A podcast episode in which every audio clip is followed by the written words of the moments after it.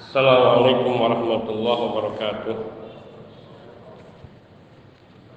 Alhamdulillah wahdah wassalatu wassalamu ala man la nabiyya ba'dah wa ala alihi wa sahbihi wa mawalah.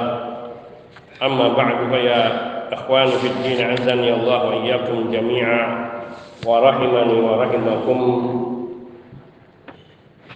تقبل الله منا ومنكم الصلاة والصيام والقيام وصالح الأعمال Kemudian kita melanjutkan pengajian kita tentang akhlak.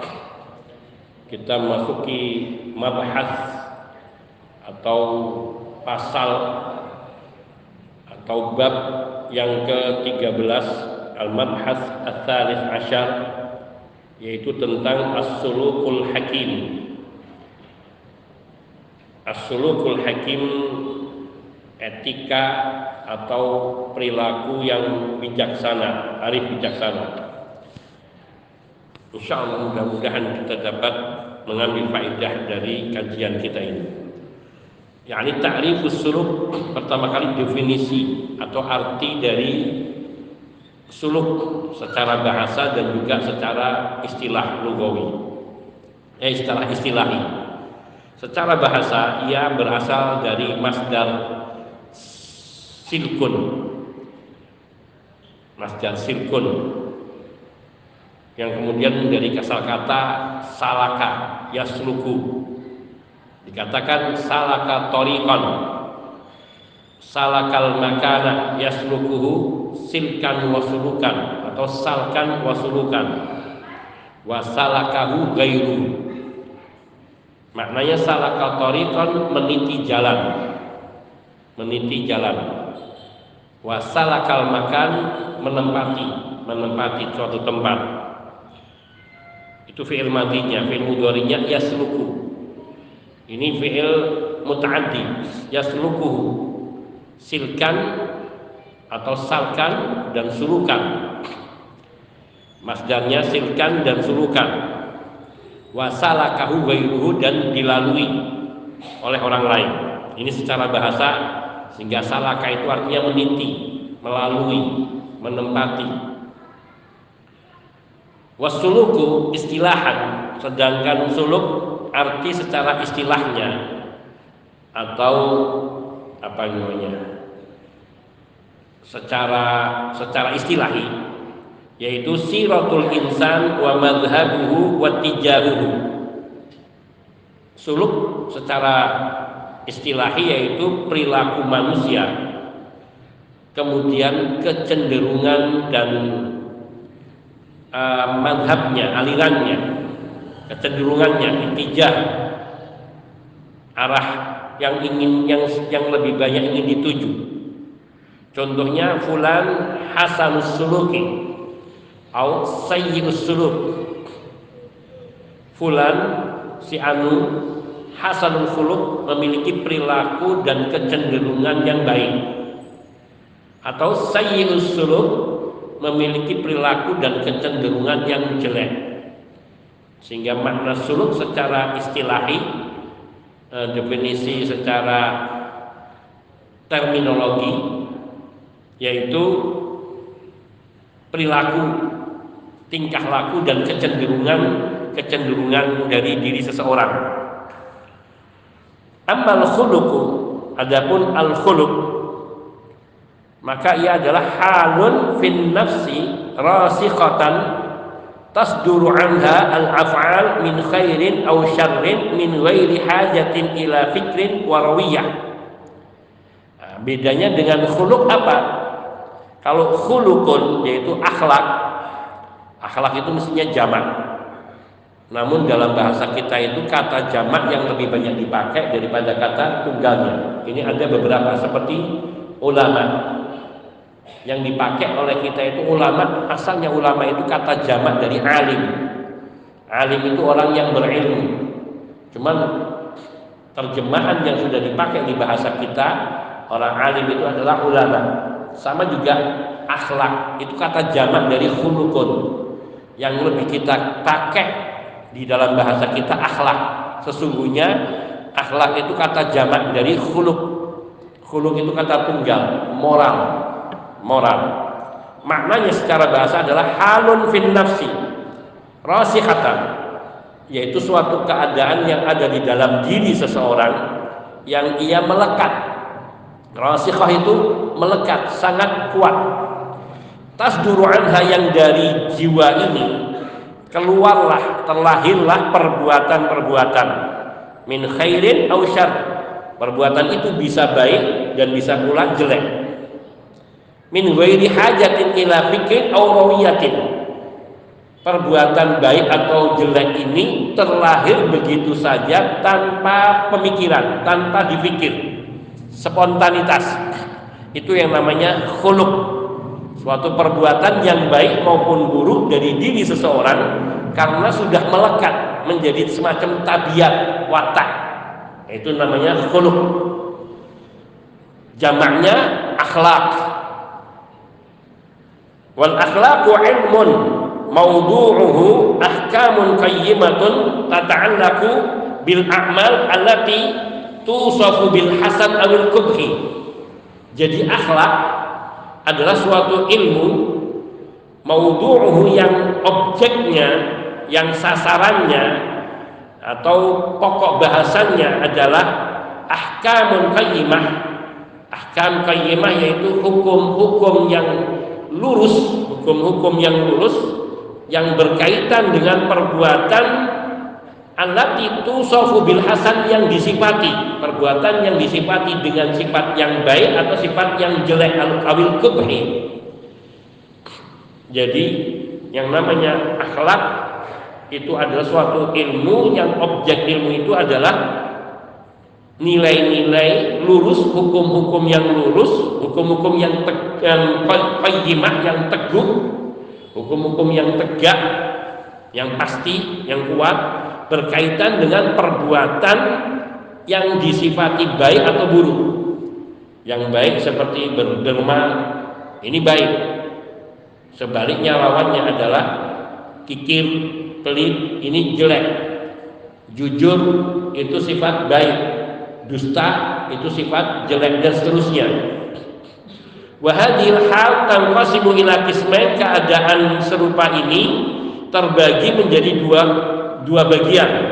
Al kismul awal ma yakunu tabi'iyan min akhlil mizaj.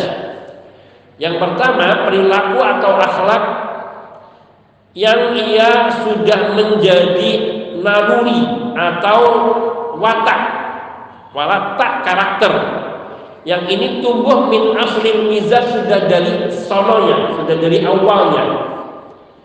Kal insan alladhi yuharriku adna syai'in nahwal ghadab, yaitu seperti reaksi seseorang yang terjadi karena suatu sesuatu perbuatan yang paling rendah seperti marah. Ketika orang marah bagaimana sikapnya, reaksinya. Nah, ini sudah bawaan tabiat.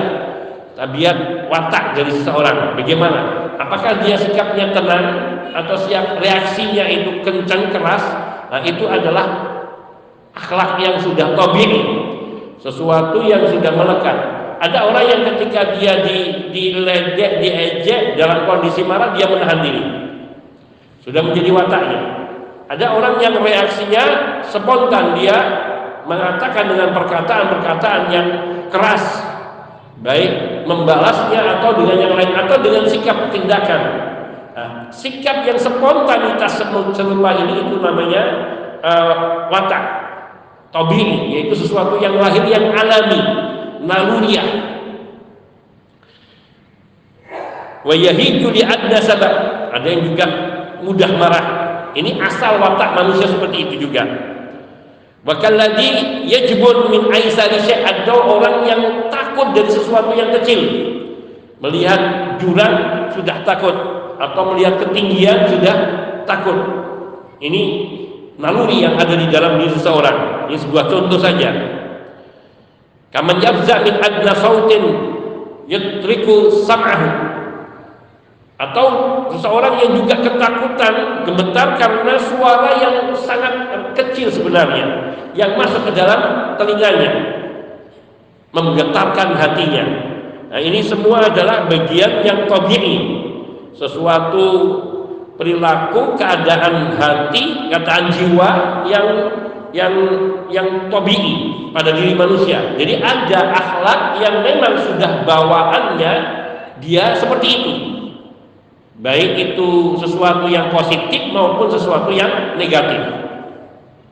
Al-Qismusani Al-Qismusani yang bagian kedua dari akhlak itu ma yakunu mustafadan bil 'adah wa tadrib yaitu suatu perilaku yang muncul terjadi oleh sebab kebiasaan yang terus-menerus dan dengan sebab pelatihan. Seperti orang yang dilatih untuk selalu berkata jujur. Dia diancam, dibiasakan atau berlatih untuk selalu untuk selalu bertanggung jawab, bersikap tanggung jawab. Nah, atau juga kepada pada hal yang negatif.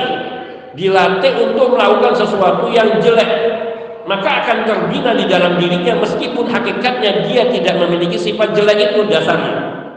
Maka dengan pelatihan dan pembiasaan secara rutin terus menerus maka dia akan akan terpengaruh. Oleh karenanya suul khuluqi, suul khuluqi yuhdi bahwa akhlak yang jelek itu bisa menular, mempengaruhi orang yang di dekatnya. Yang Nabi Shallallahu Alaihi Wasallam mengistilahkan kepada al jali susu yaitu teman yang jelek juga sebaliknya al jali saleh teman yang baik ia juga akan bisa membentuk pribadi yang baik maka anak yang tumbuh di lingkungan yang baik maka dia akan tumbuh menjadi baik. Yang itu kadang asal hukum watak dasarnya nalurinya adalah sesuatu yang lain. Seperti binatang yang buas harimau. Apabila dia dibiasakan oleh seorang tuannya dengan makanan-makanan uh, yang yang artinya lembut atau dengan cara pemberian makanan yang dirutin di, diberi bukan dengan dilemparkan ayam atau sesuatu yang lain dan dia dibina untuk selalu tunduk maka dia menjadi baik.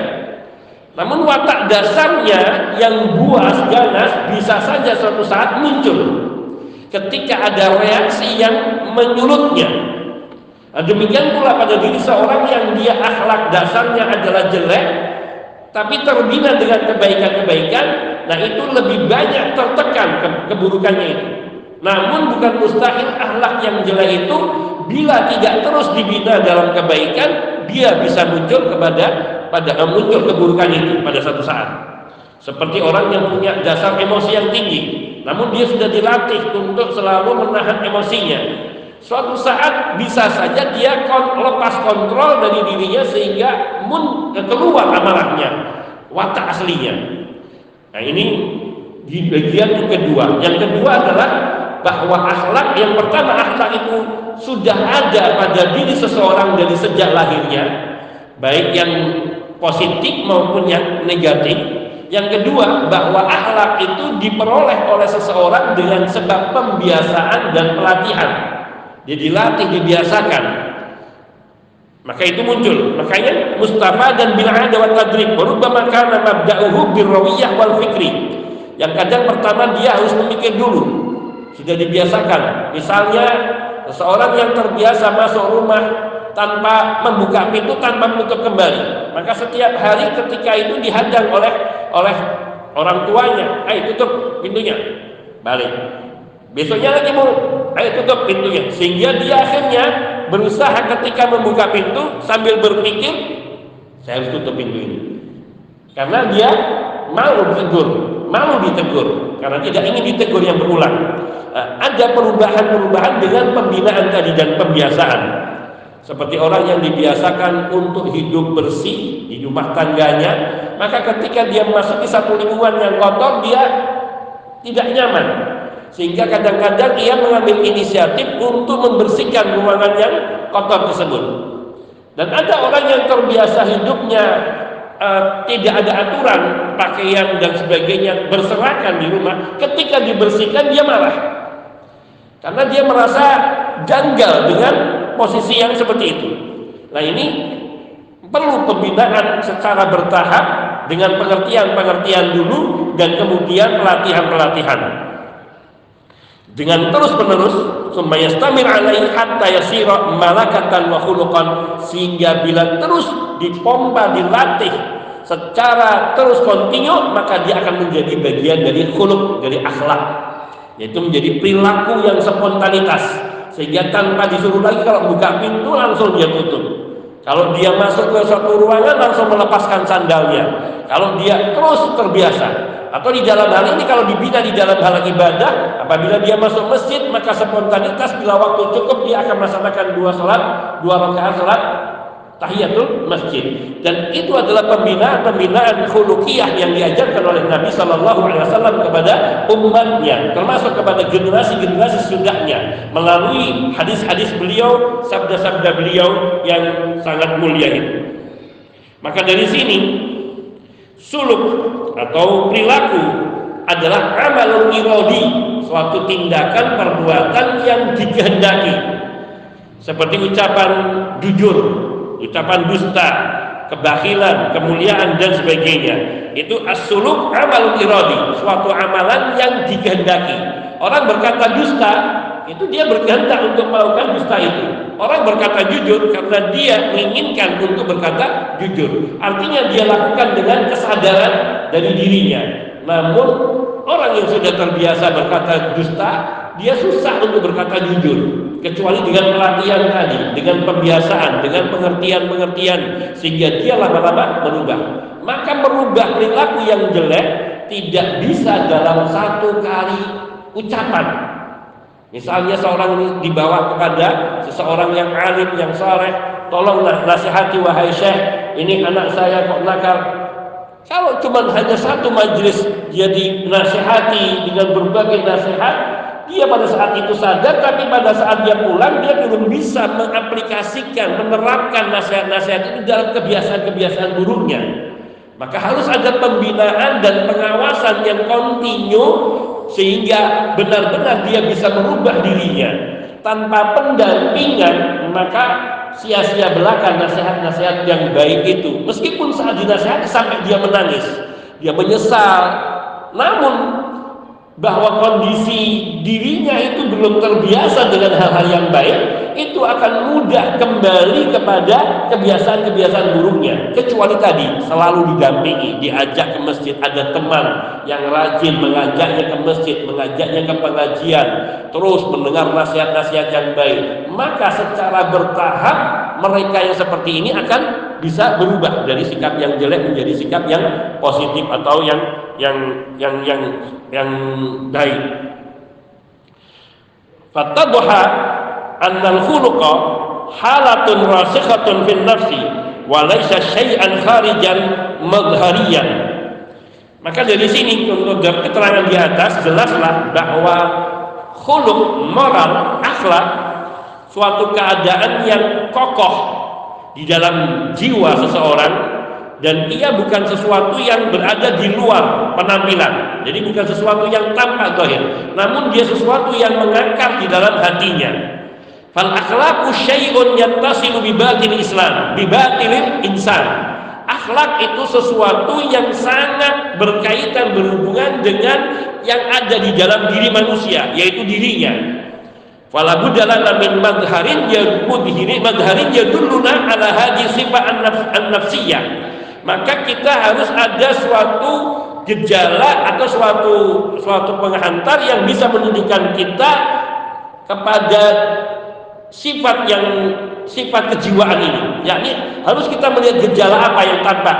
Kita harus mencari orang ini pemarah. Dari mana kita bisa mengetahui orang ini pemarah? orang ini jujur. Dari mana kita bisa mengetahui orang ini jujur? Kita harus mencari gejala, tanda-tanda kejujuran itu dari sifat lahirnya. Karena jujur, dusta, amarah, itu emosian, itu adalah sifat-sifat yang ada di dalam hati seseorang. Dan bisa dilihat dengan diawasi secara beberapa waktu. Hadal marhar wasuluk Nah perilaku yang lahir itulah ketika dia ditemani kemudian muncul kejujurannya atau muncul kedustaannya atau seterusnya di situlah yang dikatakan perilaku suluh. Fasuluku huwal madharul khariji lil khuluq. Maka perilaku as itu adalah perilaku yang lahir atau al-madharul khariji penampilan luar yang keluar dari dalam hatinya dari akhlak dari perilaku akhlak perilaku itu adalah pen, pen, e, pengejawatan ataupun ia merupakan reaksi dari apa yang ada di dalam dirinya yang merupakan bagian dari huluknya, akhlaknya. Kalau akhlak itu masih berada di dalam, suluk itu perilaku yang sudah terlahirkan jujurnya, dustanya, sabarnya, pemarahnya, baik buruknya. Nah, ketika tanpa itulah perilaku. Nah, akhlak yang ada di dalam diri seseorang. Maka di sini Fanahnu nastadillu min as-sulukil mustamir li syakhsin ala ma ala ala ala khuluqihi. Li syakhsin ma ala. Maka di sini kita nastadillu mengambilkan bukti minas suluk yang mustamir dari perilaku yang terus menerus pada diri seseorang ma pada diri seorang tertentu ma ala khuluqi yang itu menandakan seperti itulah akhlaknya. Kalau kita melihat terus menerus orang ini selalu begini begitu lagi lusa gini lagi dia selalu begitu maka inilah akhlaknya. Akhlak itu kita ketahui dari sebab perilakunya akhlak ini kita ketahui dari sebab perilakunya. Fasuluku dari suluk. Maka di sini katakan perilaku adalah yang menunjukkan akhlak seseorang. Waramzul dan ia merupakan uh, simbol simbol dari akhlak itu perilaku asuluk wa unwanuhu dan tanda akhlak seseorang. Fa idza kana suluku hasanan dalla ala khuluqin hasan kalau perilaku seseorang ini baik menandakan akhlak orang ini baik kita akan tahu bahwa orang ini ramah atau tidak dari sikapnya, dari perilakunya, suluknya. Kalau dia ketemu dengan seseorang suka senyum, menyapa, dia memulai dulu pembicaraan, maka kita tahu dia adalah orang yang ramah, dia orang yang baik akhlaknya. Tapi kalau kita tahu seorang yang apabila berjumpa dia sudah memalingkan wajahnya atau dia tidak menunjukkan sikap akrab dan sikap maka kita tahu bahwa dia akhlaknya yakni e, kurang kurang gampang bergaul susah bergaul. Dia punya kebiasaan yang yang tidak yang tidak umum atau dia tidak bisa me, me, mengadaptasi dengan lingkungan dan sebagainya. Nah, ini suluk itu adalah bagian dari akhlak atau perwujudan daripada akhlak seseorang jadi akhlak itu tertampil dalam bentuk suluk, dalam bentuk suluk, yaitu perilaku. Fa sayyi'an ala. Kalau perilakunya itu jelek, maka menunjukkan akhlaknya jelek. Kama anna syajarata tu'rafu bisabar. Pohon itu bisa diketahui dari buahnya. Maka dari kalau khuluqut thayyib yu'rafu bil a'mali thayyibah. Maka akhlak yang baik bisa diketahui melalui amalan-amalan yang baik pula. Nah, ini pohon ini bagus ini karena buahnya manis, ranum, enak. Tapi pohon ini jelek karena meskipun dia merah, tapi rasanya asam atau, atau sejenisnya. Maka ini menandakan seperti itu juga antara suluk dengan akhlak. Fal hikmatu tatafarra'u ila Hikmah kebijaksanaan, kearifan, ilmu bermanfaat dan seterusnya yang sudah kita jelaskan terdahulu itu tatafarra ila furu'iyat terbagi kepada cabang-cabang. Wa ahadu hadhil furu' huwa as-sulukul hakim. Dan di antara salah satu cabang-cabang hikmah itu adalah as-sulukul hakim, perilaku yang bijaksana. Ini yang ingin kita bahas insyaallah taala dalam pertemuan ini dan beberapa pertemuan ke depan biidznillah taala apa namanya tadi? As-sulukul hakim. Yaitu perilaku yang bijaksana. Waltizamu fadhail akhlak. Dan iltizam fadhail akhlak keutamaan-keutamaan akhlak yang menetap yang selalu mengiringi pada diri seorang. Wajtinabu radaiha zahiran wa batinan. Dan menjauhi sisi yang rendah pada diri pada akhlak mau yang dohir maupun yang batin. Pada perilaku yang dohir maupun yang batin. Inilah makna dari as-suluku al-akhlaqiyyu al-hakim. Maksudnya as-sulukul khuluqiyyu al-hakim. Yaitu menetapi akhlak-akhlak yang mulia dan menjauhi akhlak-akhlak yang hina baik lahiriah maupun secara batiniah ya. Dan ini adalah as-sulukul hakim, perilaku yang arif, perilaku yang baik, yang mulia.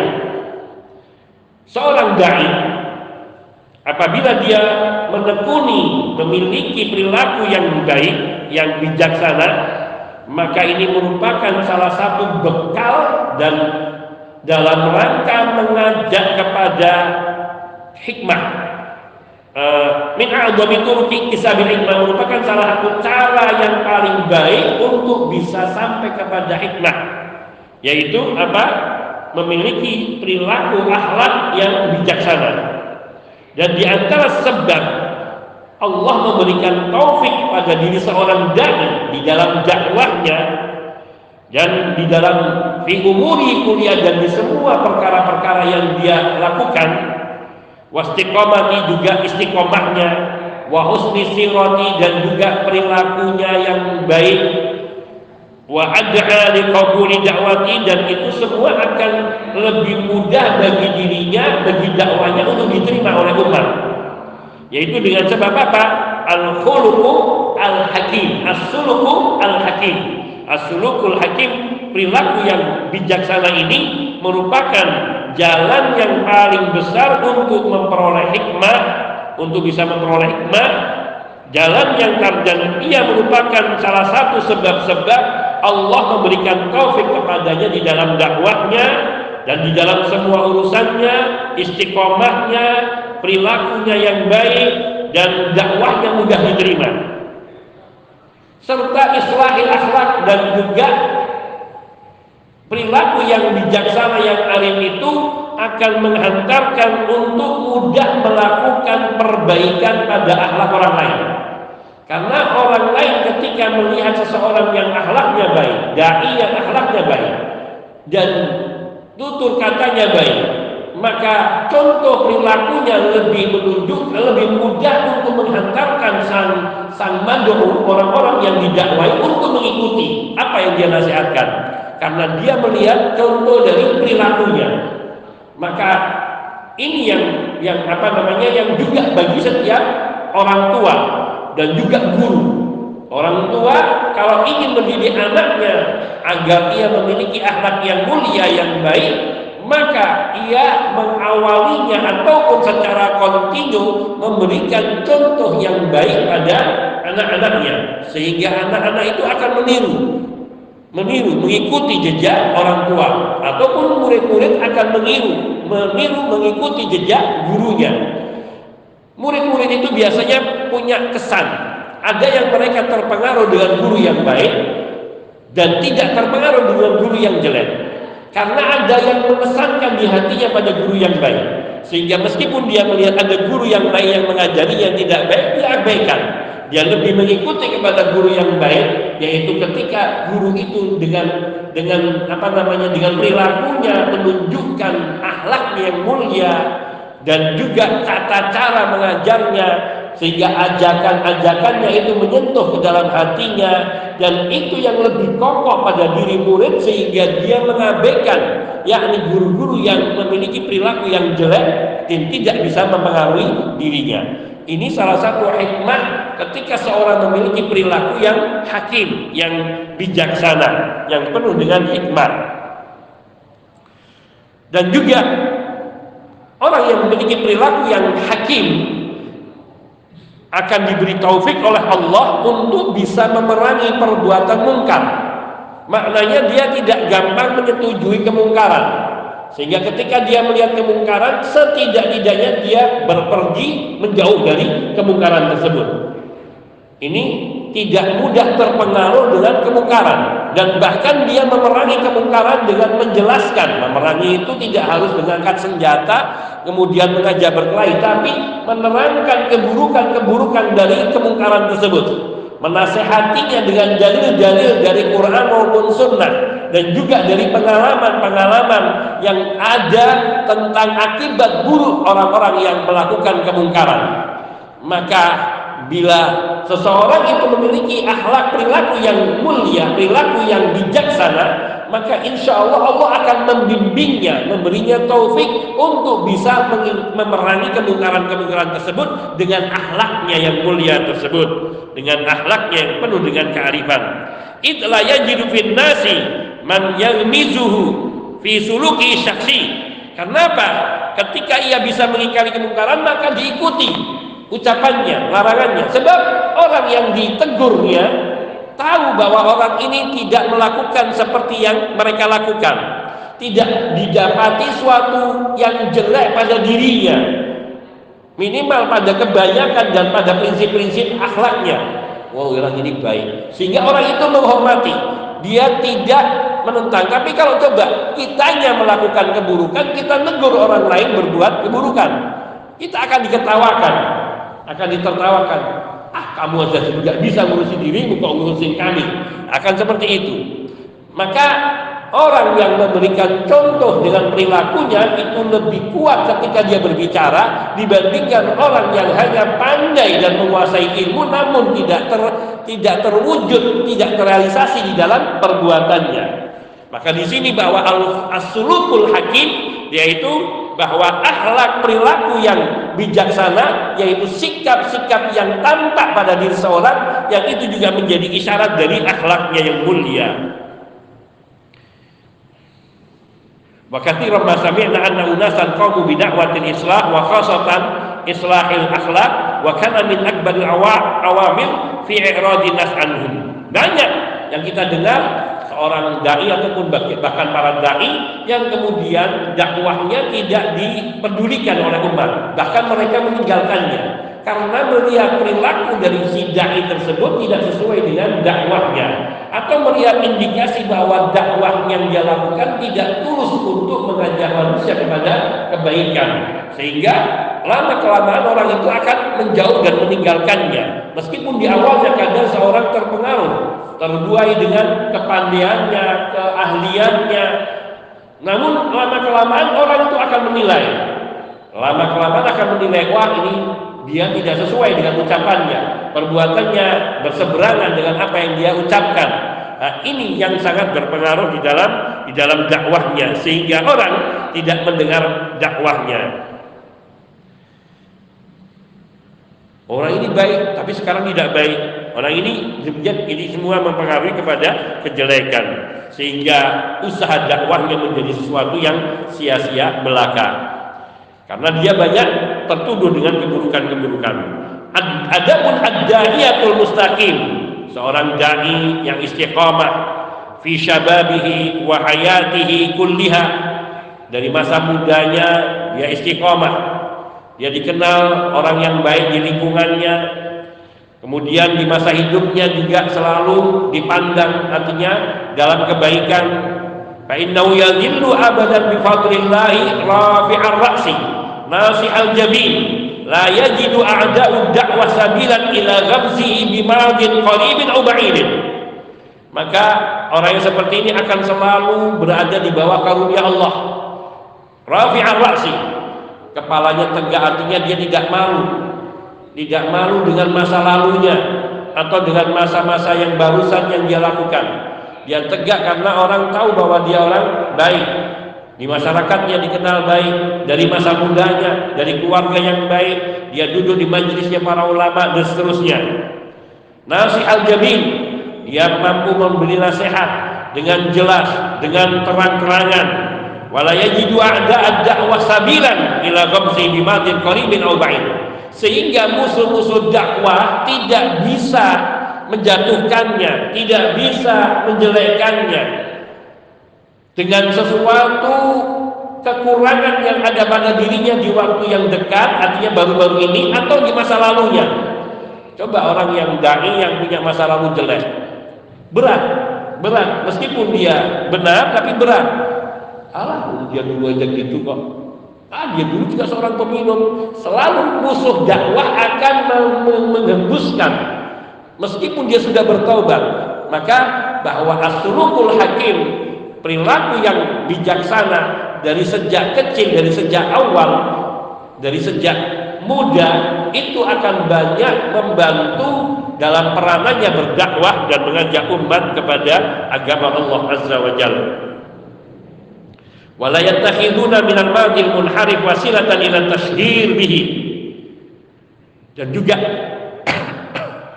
musuh-musuh dakwah ini mereka tidak dapat yakni memanfaatkan ataupun mengambil satu jalan untuk menjelekkan atau untuk mempopulerkan keburukannya di masa lalu.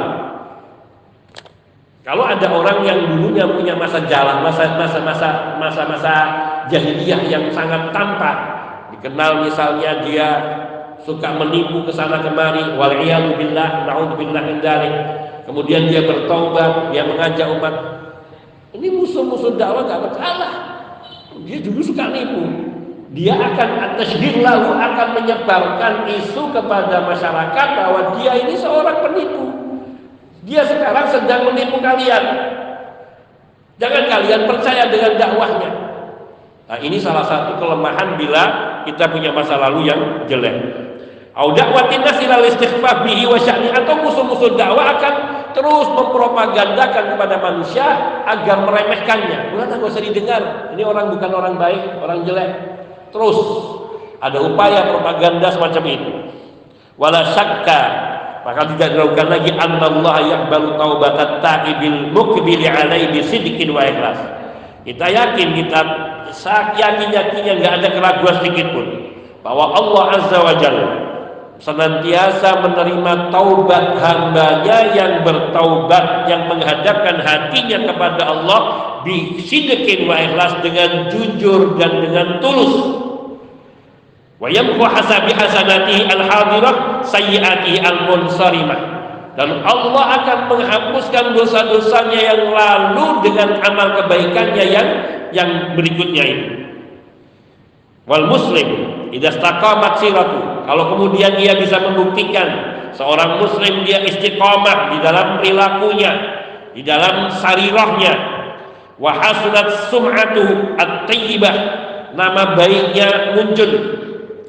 Al-hamidah terpuji, wa suruquhul hakim dan perilakunya yang sangat bijaksana itu tampak pada dirinya najaha fi umuri dinihi wa dunya maka dia akan memperoleh kesuksesan dalam urusan agama dan dunianya biidznillah taala.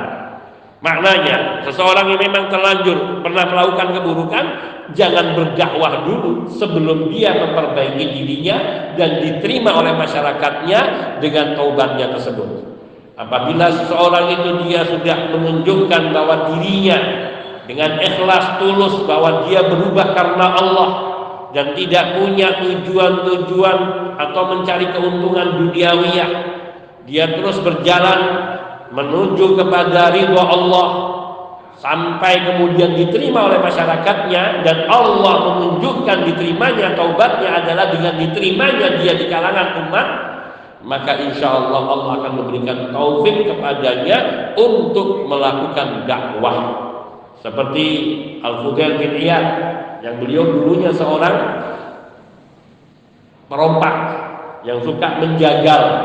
Namun ketika beliau menyesali mendengar orang menjelekkan dia dan dia sadar dia bertaubat pergi ke Makkah.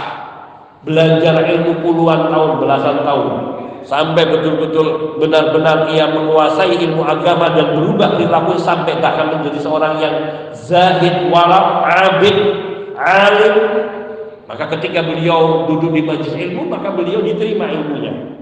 Meskipun beliau dulu seorang perompak. Maka demikian itulah keadaan uh, seseorang yang ingin berdakwah, terutama maka harus memulai diri diri sendiri.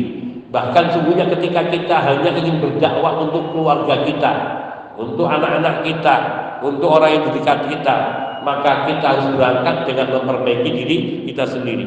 Ada ma'akul lakum ini yang bisa saya sampaikan. Wa insyaallah pembahasan berikutnya tentang istiqamah. Mudah-mudahan ini dapat senantiasa mendidik kita untuk lebih baik lagi akhlak kita lebih baik lagi perilaku kita dan ketaatan kita.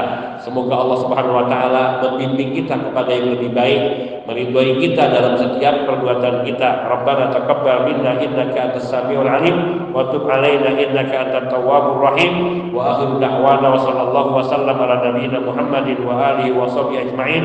Walhamdulillahi rabbil alamin. Subhanakallahumma bihamdika asyhadu an la ilaha illa anta astaghfiruka wa atubu ilaik. Assalamualaikum warahmatullahi wabarakatuh.